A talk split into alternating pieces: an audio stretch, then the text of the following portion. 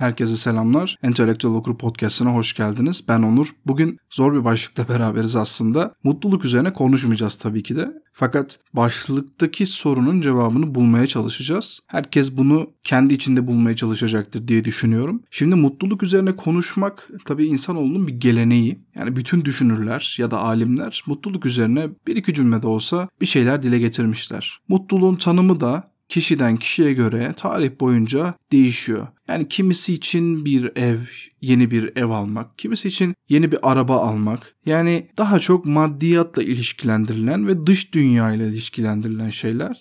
Tabi bu bir görüş. Kimisi için ise içsel huzurun bulunması veya iyi ilişkiler, ikili ilişkilerin sağlam olması yani daha çok maneviyatta kalan şeyler. Örneğin tarih sahnesine gittiğimizde Doğu ve Batı arasında birçok alim, birçok düşünür mutluluk için belirli tanımlar getirmişler. Örneğin İbn Sina mutluluğu dünyevi dünyadan bağımsız olan şeyler olarak tanımlamış. Farabi'ye göre ise insan mutlu olmak için yaratılmış. Tabi Aristo'ya gitmezsek olmaz. Aristo da mutluluğu şu şekilde belirtiyor. Mutluluk için hissedilebilir bir şey olmadığını yani mutluluğun bir yaşam tarzı olduğunu dile getiriyor. Ve Epikür çok çok önemli antik Yunan filozofu daha sonra çok çok konuşacağız. Mutluluk denge ve uyumla birlikte gelebileceğini, asla yetinmeyenin hiçbir şeyden memnun kalmayacağını söylüyor. Şimdi burada çok çok önemli bir çalışma var. Harvard Üniversitesi'nde 80 yıldır devam eden bir araştırma, bu araştırma. Buna göre mutluluğun Epikür'ün söylemleriyle oldukça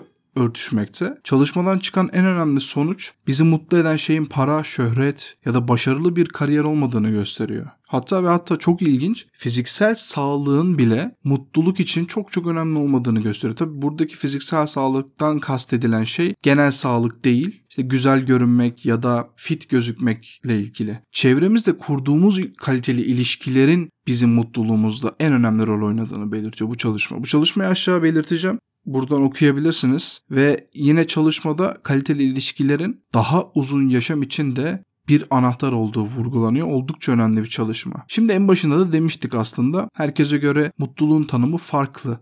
Yani bana göre veya sana göre mutluluk çok çok farklı şeyler olabilir. Bence mutluluk içsel huzurun yakalanması ve bu yakalanan içsel huzurla birlikte memnuniyet duygusunun hayata yansıması. Yani memnun olan insan mutlu bir insan oluyor. Ben bu zamana kadar memnun hissettiğim zamanlarda hep mutlu hissettim. Çünkü hayattan, işten, aileden, ilişkiden, trafikten, yemekten ve aslında her şeyden memnun olabileceğimizi gördüm. Tabii ki de her zaman olacak şeyler değil bunlar ve burada şundan bahsetmiyorum aslında her şeyi sevmekten falan konu burada değil. Konu Epikür'ün belirttiği gibi aslında totalde alınan memnuniyet ve bu memnuniyetin bir ortalaması olduğundan bahsediyorum. Ve bunun dengesi insanın hayata bakış açısını değiştiren en önemli etmenlerden bir tanesi bence. Tabii bu memnuniyetin alınabilmesi için de insanın dışarıya değil demin de bahsettiğimiz gibi kendi içine dönmesi gerekiyor. İnsanın kendi içine dönmesi tabii bu yaşadığımız kapitalist düzen de dahil buna çok çok zor. Fakat Örneğin Yunan mitolojisinde mutluluğa dair bir hikaye var. O hikayeden bahsedebiliriz burada. Şimdi tanrılar zamanında insanlar mutluluğu arasın ve böylece kıymetli olsun diye mutluluğu saklamaya karar veriyorlar. Bir tanrı çıkıyor diyor ki yani göklerin en uzağına saklayalım. Diğer bir tanrı çıkıyor diyor ki denizin en dibine atalım. Başka bir tanrı çıkıyor ve diyor ki ormanın en kuytusuna saklayalım. Ve sonunda içlerinden biri çıkıyor şöyle bir şey söylüyor. İnsanların içlerine saklayalım. Çünkü insanlar oraya bakmak akıllarına bile gelmez. Bizler gerçekten bu koşuşturma içerisinde tabii yaşadığımız konjöktür de buna dahil. Bunun da çok fazla etkisi var. Buna kesinlikle katılıyorum. Ama yine de bizler dışımıza bakmaktan çok da fazla bir şey yapmıyoruz aslında. Güzel bir saat almak, güzel bir telefon almak, güzel bir araba almak, güzel bir ev almak. Bunlar evet tabii ki de önemli şeyler insanın şu düzen içerisinde hayatını devam ettirebilmesi için en azından gerekli olan şeyler. Yani kendimizi kandırmaya da gerek yok. Bunların hiçbirinin olmaması demek insanın hayatta kalamaması demek. Bir evin, bir arabanın olmaması. Araba evet çok büyük bir ihtiyaç değil belki ama bir evinin olmaması çok çok kötü bir seçenek. O sebeple aslında çok güzel bir TED konuşması var. Bunu kesinlikle öneriyorum. Matthew Richard'ın The Habits of Happiness diye. Matthew Richard burada doğru yere bakan herkesin mutluluğu bulabileceğini belirtiyor. Tabii bu çok kişisel ya da efektif bir cümle değil. Yani çok kişisel bir cümle daha doğrusu. Çok efektif bir cümle değil. Çünkü herkes mutluluğu bulamayabilir. Bulamamalı da zaten. Dünya böyle bir yer değil. bugün burada yaşayan bir insanla Norveç'te yaşayan bir insanın aynı olmadığı gibi Afrika'da yaşayan insanla da burada yaşayan insan aynı değil. O sebeple kalıcı mutluluk aslında bilgelik, paylaşımcılık, merhametin geliştirilmesi ve bence en önemlisi nefret, doyumsuzluk ve cehalet gibi zihinsel zehirlerin tamamen yok edilmesiyle ortaya çıkabilir diyor Matthew Richard. Şimdi Matthew Richard kim diyeceksiniz? Zamanında bundan 41 yıl önce kendisinde eksik hissettiği böyle huzuru bulmaya Hindistan'a gidiyor Matthew Richard. Tabi Hindistan'da Budizm okuyor ve Nepal'de bir manastırda yaşamaya başlıyor. Tabi bunun öncesinde Fransa'da Pasteur'ün enstitüsünde moleküler biyoloji okuyor. Yani aslında içimizden birisi. Zaten TED konuşmasında da göreceksiniz. Çok değişik bir insan değil. Matthew'nun mutluluk düzeyi bu çok inanılmaz mesela. Wisconsin Üniversitesi'nde bilimsel olarak da kanıtlanıyor. Yapılan çalışmada daha önce Matthew Richardson ki gibi nörolojik testlere hiç rastlanmıyor. Ve tabii şu da bakılmış yani Matthew Richard meditasyon yaparken, kendi içine bakarken nasıl bir izlenim sergiliyor beyninde? O sırada bilinç, dikkat ve hafızadan sorumlu bölgelerde yani daha çok sol lobda son derece aktif bulunduğu gözlemleniyor.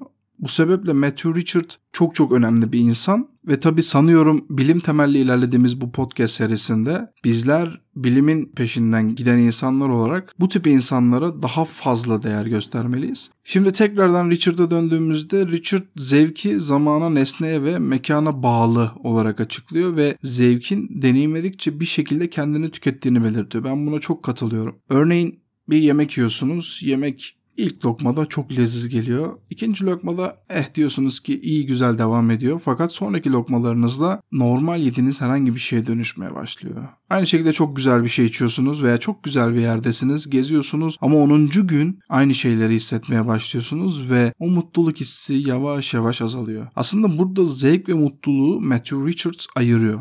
Budist inanışına göre de mutluluğun yalnızca zevk veren bir his olmadığını, mutluluğun daha çok bir huzur ve tamamlanma hissi olduğunu belirtiyor. Yani her şeye sahip olmanın mutluluk olmadığının bilincinde aslında Richard.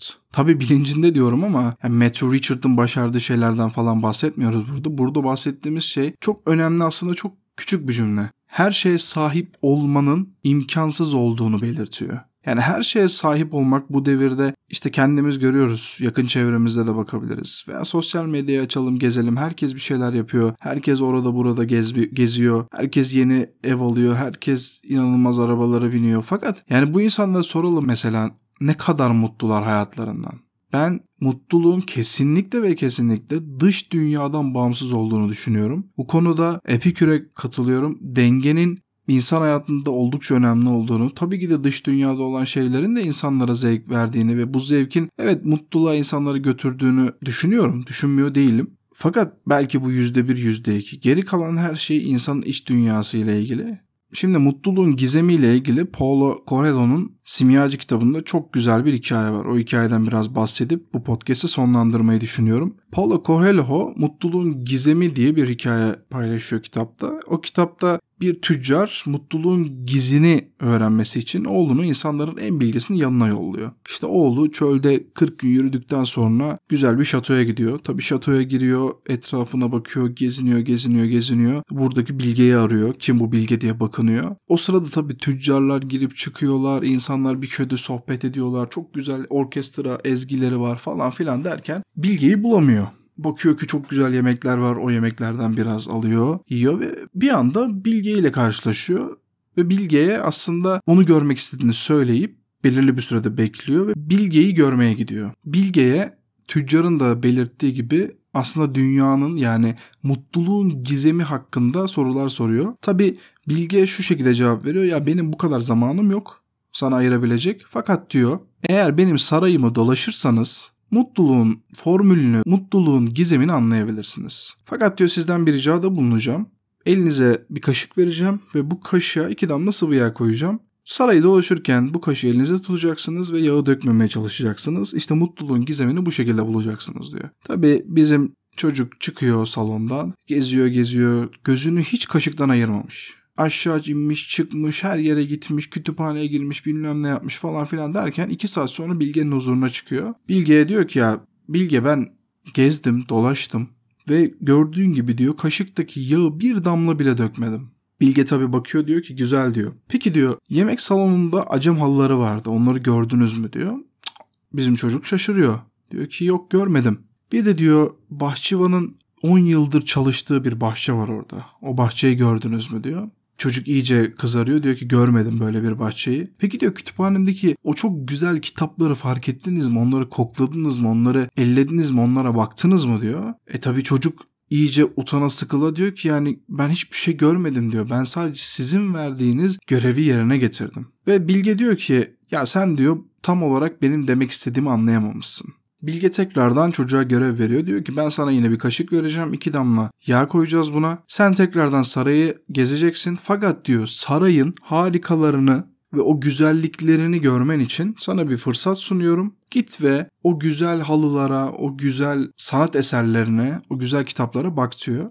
Tabi çocuk çok şaşırıyor ve diyor ki tamam diyor ya ben kalkıyorum. Oturduğu yerden kalkıyor. Kaşığı alıp saraya gidiyor gezmeye çıkıyor. Tabi bu kez duvarlara asılmış o inanılmaz tavlaları, tavanları süsleyen sanat yapılarını bayılıyor. Bahçeye çıkıyor bahçıvanın o eserlerine, çevredeki dağları, çiçeklerin muazzamlığını, güzelliğini, bulundukları yerlere o yakışan sanat yapılarının zerafetini görüyor. Kütüphaneye gidiyor, o kitaplara bakıyor, eski kitapları inceliyor, onları kokluyor ve iki saat sonra Bilge'nin yanına dönüyor.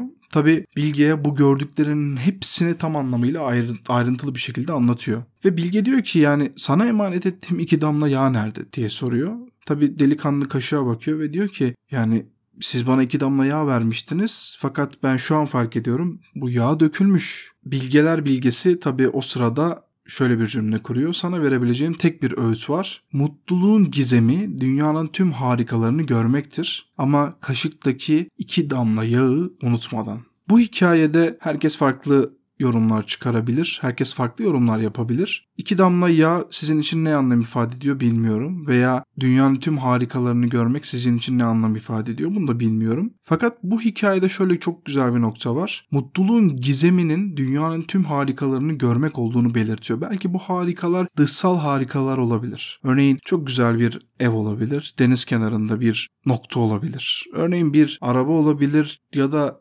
manevi değil de maddi değeri çok yüksek bir şey de olabilir. Bunlar tüm harikalar olabilir sizin için. Hayalinizdeki şeyler bunlar olabilir. Fakat kaşıktaki iki damla yağ ne olabilir? O iki damla yağ aslında sizin içsel huzurunuz ve içinizde olan maneviyat. Yani bizler bu noktada içimize bakmamız gerektiğini tekrar tekrar anlıyoruz aslında. Evet dış dünyadan kopamayacağımız bir gerçek. Yani dış dünyadan kopmak gerçekten çok zor. Özellikle böyle bir konjöktürde alıştığımız bu düzende bu şekilde yaşamaya devam edeceğiz tabii ki de. Fakat ben kendi adıma bundan sonra daha fazla içeri yönelmeyi düşünüyorum. Daha fazla içe bakmayı, daha fazla kendimle bağlantı kurmayı düşünüyorum. Tabii ki de dünyanın da tüm harikalarını görmekten vazgeçmeyerek hem kaşıktaki iki damla yağı dökmeyeceğiz hem de aslında dünyanın tüm harikalarını görmeye çalışacağız. Zor bir iş gibi duruyor fakat kendi içimize baktığımızda dünyanın belki de tüm harikaları bizim için harika olmaktan da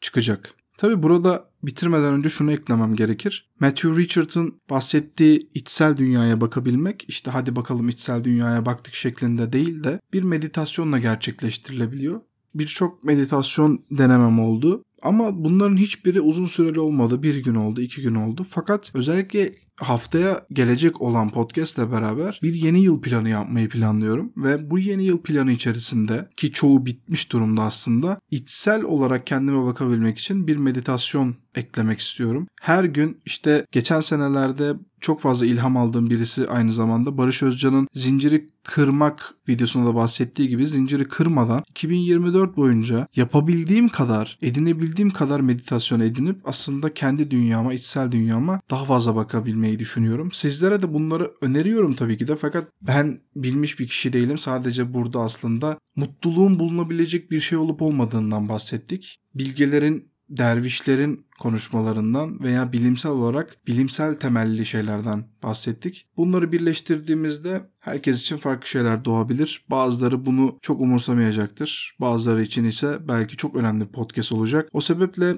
bir sonraki podcast'te tekrar görüşmek üzere. Kendinize iyi bakın. Hoşçakalın.